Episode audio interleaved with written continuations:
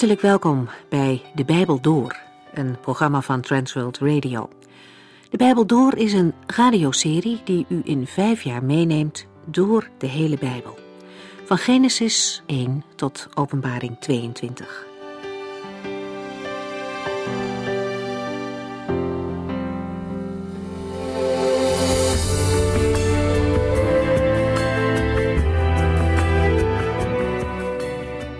In de vorige aflevering van de Bijbel door zagen we wat er na Gideons overwinning op de Midianieten gebeurde.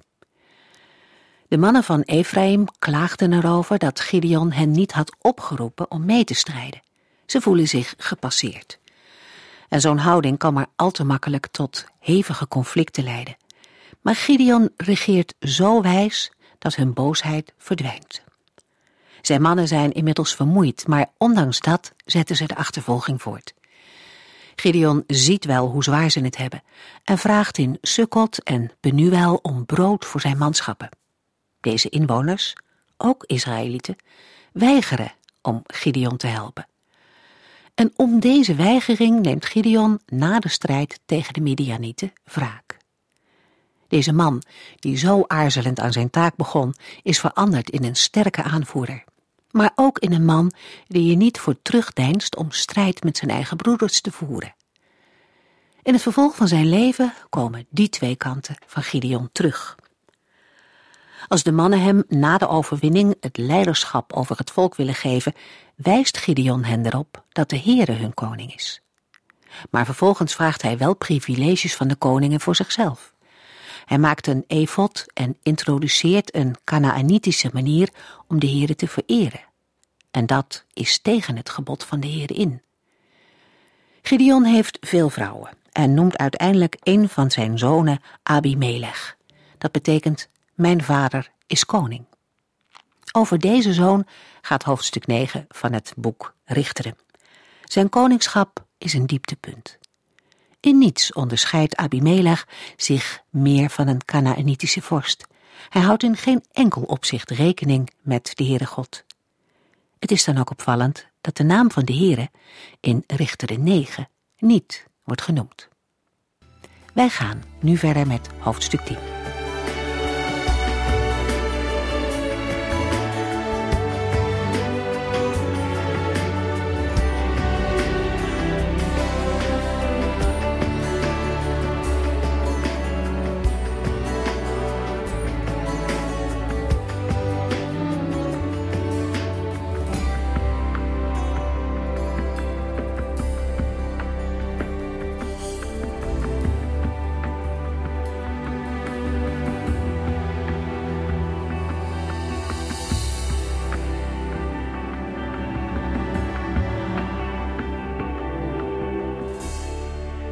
Rechters 10, vers 1 tot en met 5 en 12, vers 8 tot en met 15 vinden we een onderbroken opsomming van in totaal vijf kleine rechters.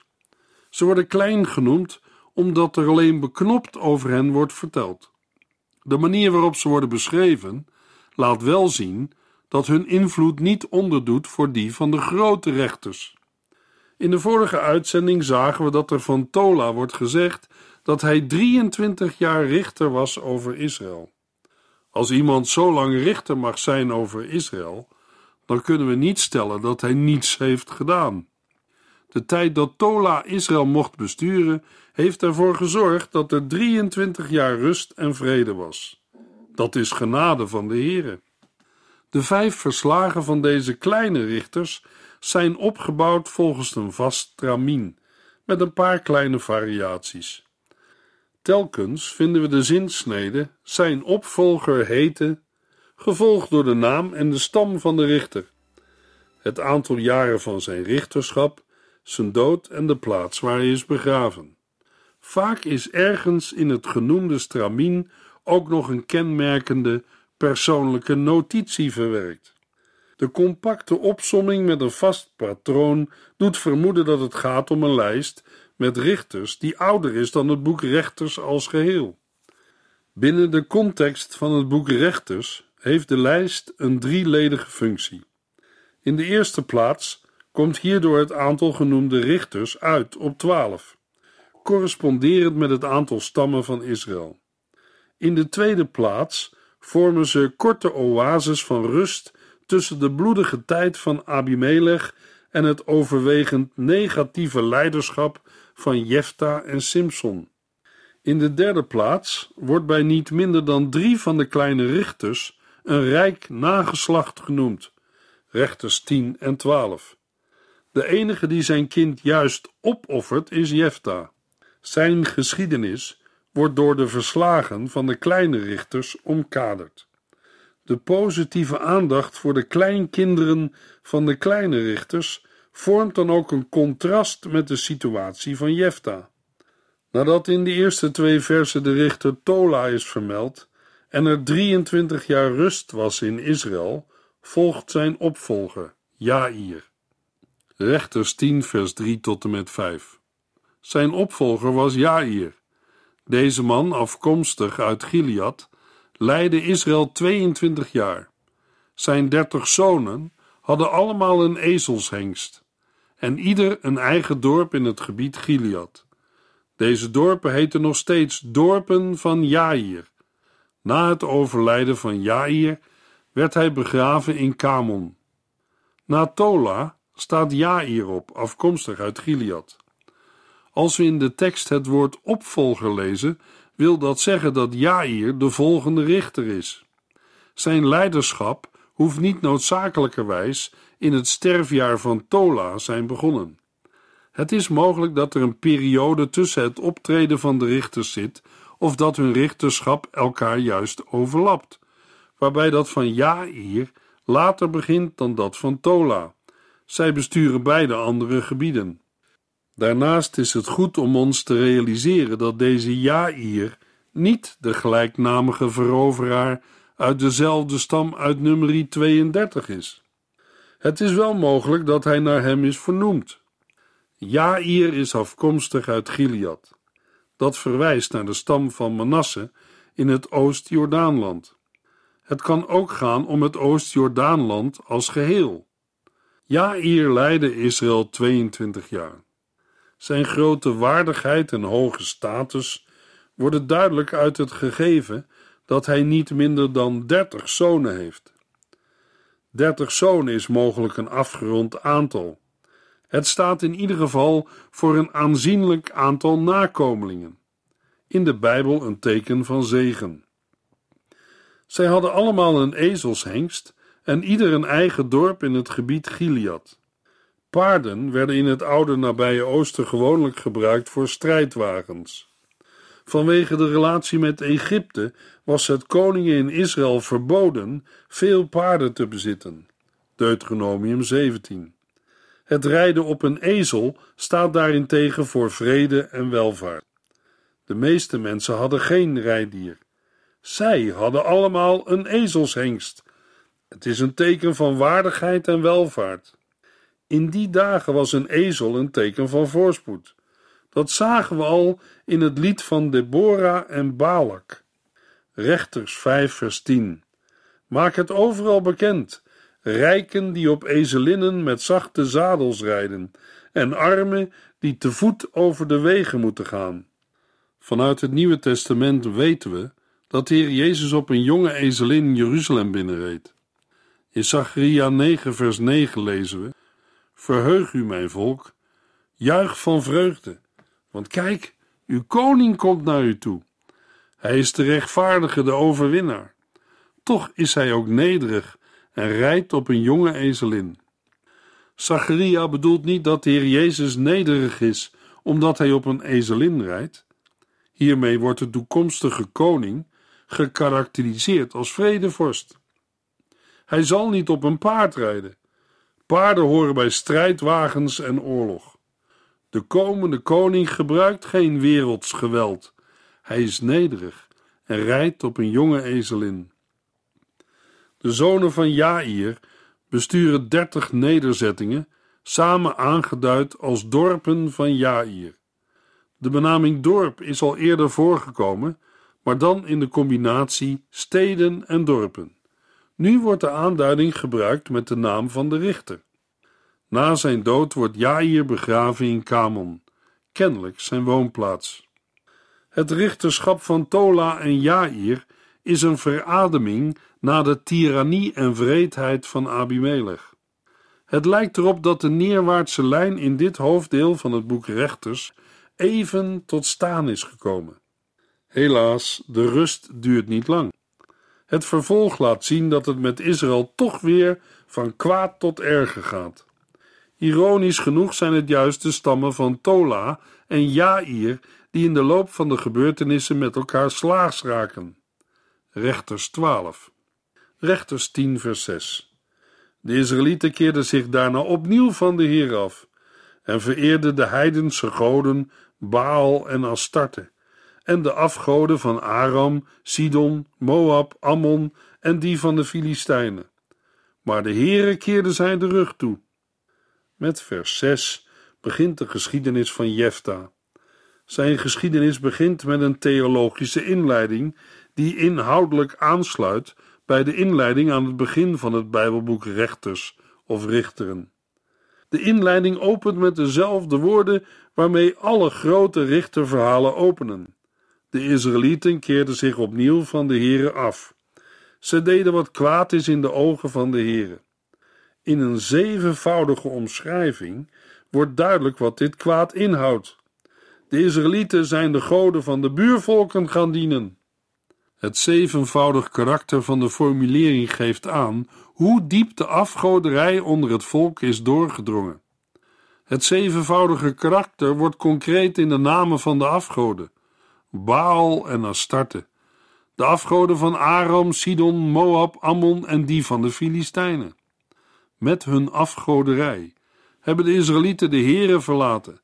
Daarom ontbrandt de toorn van de Here tegen de Israëlieten. Wij zouden kunnen denken dat na alles wat de Israëlieten hebben meegemaakt, ze nu wel een keer genoeg zullen hebben van die afgoden. Telkens komen ze door de afgoden in problemen. Slavernij en het vele jaren dienen van Filistijnen en Ammonieten schijnen een mens niet echt te veranderen.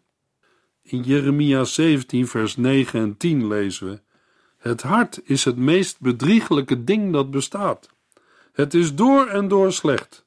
Niemand kan ooit precies weten hoe slecht het is, behalve ik, de Heere. Ik doorgrond alle harten en toets de meest verborgen gedachten, om zo ieder mens het loon te geven dat hij verdient, afhankelijk van zijn daden en levenswijze. U en ik kunnen het menselijke hart niet doorgronden. Zeker, wij zouden naar de Israëlieten kunnen wijzen en ons hoofd schudden. Het is toch wat met die Israëlieten. Ik stel voor om het niet te doen en eerst maar eens naar onszelf te kijken. Het is te gemakkelijk om met een vinger te wijzen naar mensen die duizend jaar voor Christus leefden. Als we eerlijk zijn, moeten we toch toegeven: de pot verwijt de ketel dat hij zwart is. Het hart is het meest bedriegelijke ding dat bestaat. Het is door en door slecht. Dat was toen zo, maar dat is vandaag nog zo. Wat zijn we er ellendig aan toe? Wie zal ons verlossen uit deze vreselijke macht van de dood? Paulus vertelt het tegen de Romeinen, en ik mag het u doorgeven. Ik dank God dat er een uitweg is door Jezus Christus onze Heer. Romeinen 7, vers 25. De Israëlieten keerden zich niet naar de Heere, maar naar andere goden. Zij weigerden God te dienen terwijl zij het onder ede hadden beloofd. Daarmee halen ze zich de toorn van God op de hals. Maar de Heere laat hen niet los. Zo zullen de Israëlieten het niet hebben ervaren, maar dat blijkt uit het vervolg. Rechters 10 vers 7 Toen ontstak de Heere in toorn en leverde hen over aan de Filistijnen en Ammonieten. Israël had zwaar onder hen te lijden. Luisteraar, Laten we niet de fout maken om te denken dat de Heere dit deed om voorgoed van zijn hardnekkige en zondige volk af te zijn. De Heere deed dit omdat hij zijn volk niet kwijt wil. Hij wil het terug. Wat doen ouders als kinderen niet willen luisteren? Als praten, waarschuwen en nog eens praten en waarschuwen niet helpen, dan moet er naar strabantere middelen worden gegrepen. Je wilt toch je kinderen niet kwijt? ook niet als ze op wegen wandelen die ze beter niet kunnen gaan. En als praten niet meer werkt, omdat ze u ontlopen of altijd druk zijn en nooit tijd hebben, dan wilt u er toch voor uw kinderen zijn, ook al moet je soms een hele tijd wachten.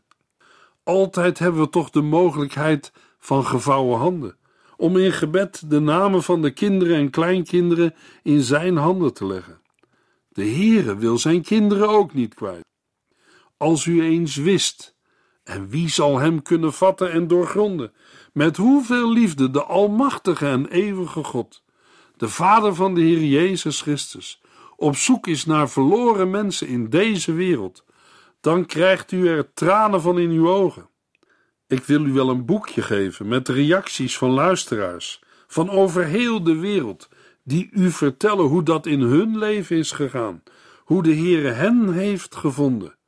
U moet maar even bellen of mailen. Israël verkeert in Rechters 10 vers 9 op een dieptepunt. En dat was ook niet zomaar voorbij.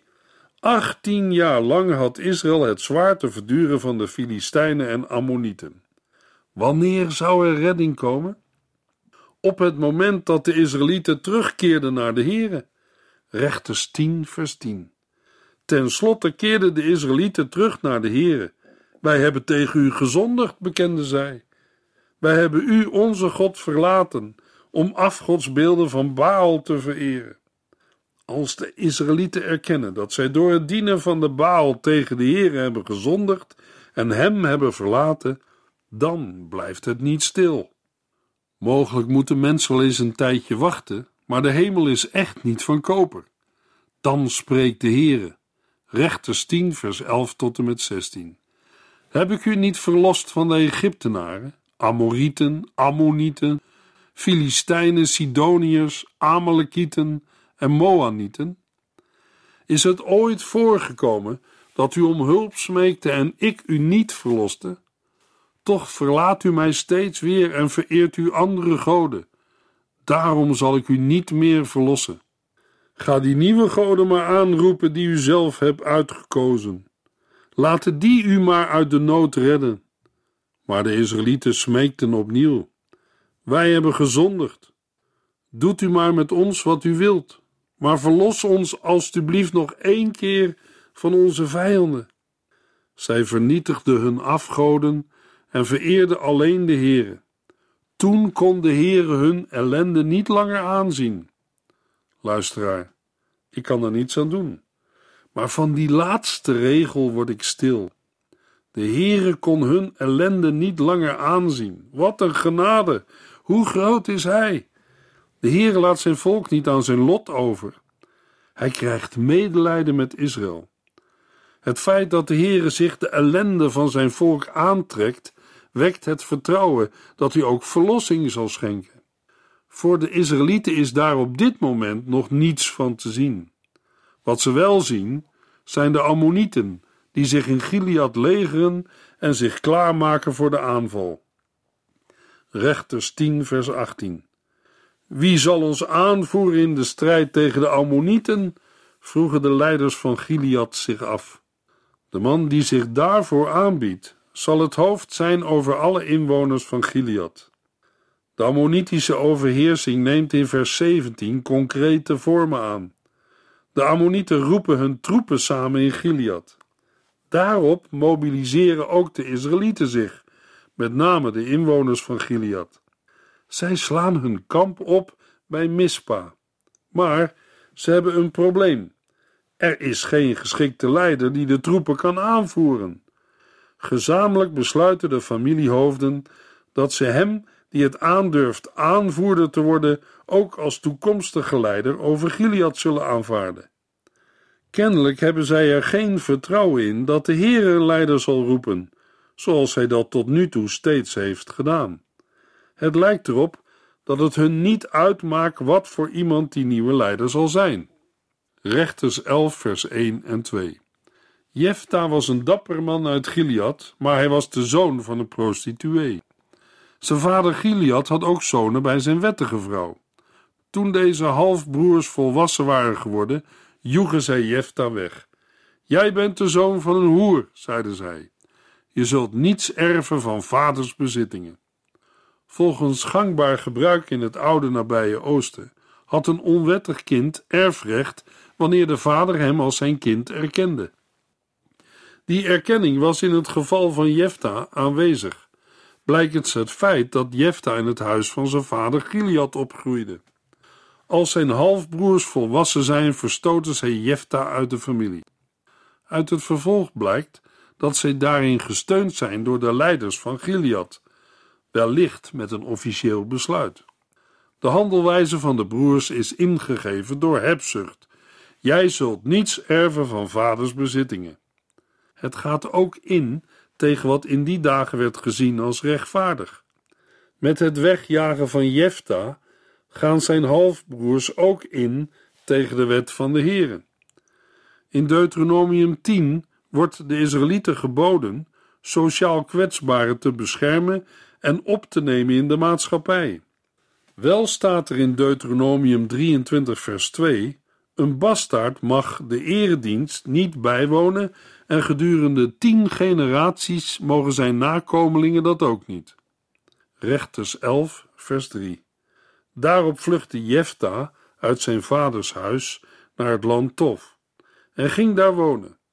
Een groep avonturiers kwam daar bij hem en samen trokken zij erop uit.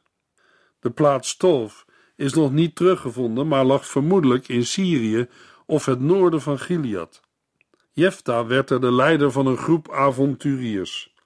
Jefta is een man die al heel wat heeft meegemaakt. Is hij wel geschikt voor het leiderschap? De wegen van de Heere zijn vaak niet te doorgronden. Hij kiest mensen uit die de wereld van vandaag zou overslaan. De Heere maakt mensen nederig en bekwaam voor de taak die hij hen geeft. Denk bijvoorbeeld aan Jozef, Mozes en David. Van de Heer Jezus lezen we in het Nieuwe Testament dat hij zichzelf vernederde. Hij was veracht en verworpen door de mensen. Hij is de steen die de bouwers aan de kant hadden gegooid, maar die tot hoeksteen werd uitgekozen. Zijn vijanden wilden hem niet over hen laten regeren. Toch heeft de Heer hem verhoogd en een naam gegeven die verheven is boven alle namen. Luisteraar, ook vandaag kunnen onwettige kinderen wettige kinderen van God worden, als ze hun vertrouwen stellen op de Heer Jezus Christus. Jefta was verstoten door zijn eigen familie, maar de Heere roept hem als rechter voor zijn volk. Rechters 11, vers 4 tot en met 10. Een tijd later bonden de Ammonieten de strijd aan met Israël. De leiders van Gilead gingen naar het land Tof om Jefta te halen. Ze smeekten hem hun aanvoerder te worden in de strijd tegen de Ammonieten. Maar Jefta zei tegen hen: Waarom komt u bij mij als u mij haat en mij uit mijn vaders huis hebt weggejaagd? Waarom komt u, nu u in de problemen zit? Omdat we u nodig hebben, antwoordden ze. Wees onze aanvoerder als we tegen de Ammonieten moeten vechten. Dan zult u leider van Gilead en al zijn bewoners worden. Zo, riep Jefta uit. Denkt u dat ik dat zomaar geloof? Wij zweren het u bij de Heere, antwoordde zij. U zult onze leider worden. In hun zoektocht naar iemand die het leger kan aanvoeren, denken de oudsten van Gilead aan Jefta. Ze zoeken hem op en vragen hem het leger aan te voeren in de strijd tegen de Ammonieten. Jefta geeft zich niet zomaar gewonnen. Fijntjes wijst hij erop dat ook zij hebben ingestemd met zijn verstoting. De leiders dringen aan. Ze hebben de kwaliteiten van Jefta nodig tegen de Ammonieten. Bovendien halen zij hun troef tevoorschijn. Als Jefta het leger aanvoert, zullen zij hem erkennen als leider van heel Gilead. Op voorwaarde van de erkenning als leider van Gilead en al zijn inwoners, is Jefta bereid gehoor te geven aan hun verzoek. Wanneer de leiders onder aanroeping van de naam van de Heere plechtig toezeggen dat zij hun woord zullen nakomen, gaat Jefta met hem mee. Ze gaan naar Mispa, waar de strijders van Gilead hun kamp hadden opgeslagen. Daar wordt Jefta als leider aangesteld en worden de gemaakte afspraken voor het aangezicht van de Heere bekrachtigd. voor het aangezicht van de Heere veronderstelt in ieder geval de aanwezigheid van een priester. Of er in Mispa ook een heiligdom was, is niet bekend. In elk geval wordt er elders geen melding van gemaakt. Overigens behoeft zo'n heiligdom niet veel meer in te houden dan een altaar, gemaakt van aarde of ongehouwen steen. Mispa ligt in Gilead, rechters 11 vers 29, en moet onderscheiden worden van verschillende andere plaatsen met dezelfde naam. Bijvoorbeeld in Jozua 11 vers 3 is sprake van een aantal steden op de helling van de berg Hermon in het land Mispa. De exacte ligging van het Mispa uit Rechters 10 is niet bekend.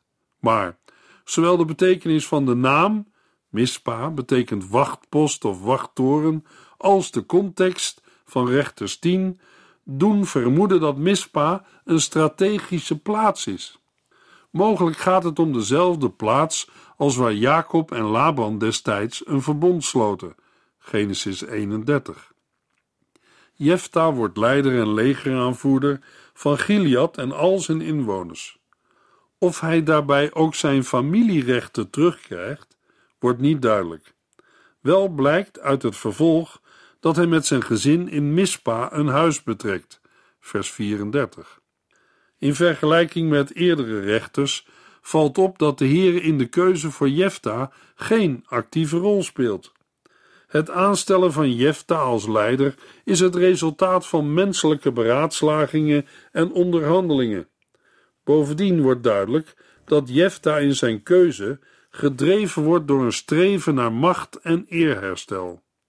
Dat de Heere desondanks zijn zegen geeft aan het richterschap van Jefta, vers 29, getuigt dan ook van de grote genade van de Heere voor zijn volk. In de volgende uitzending lezen we de andere versen van Richter 11, vers 11 tot en met 40.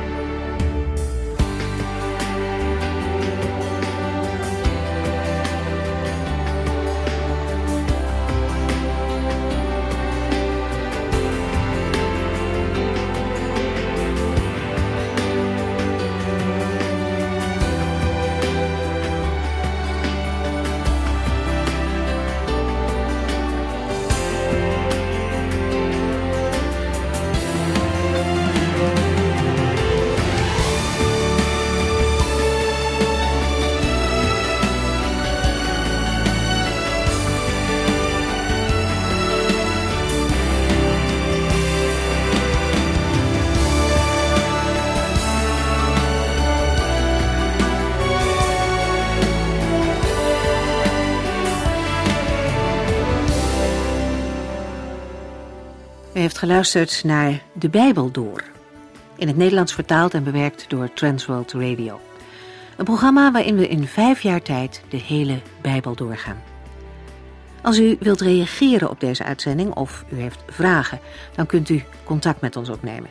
Tijdens kantooruren kunt u bellen op 0342 47 8432. 0342 47 8432. 32. Ook kunt u een e-mail sturen naar de Bijbel door transworldradio.nl en natuurlijk kunt u ook via de post ons bereiken. TWR, postbus 371, postcode 3770, AJ in Barneveld. Dit programma werd gepresenteerd door Cor Weda en Ike André. Techniek was in handen van Odin van Woerdekom. En wij allemaal bedanken u voor het luisteren. Graag tot de volgende keer.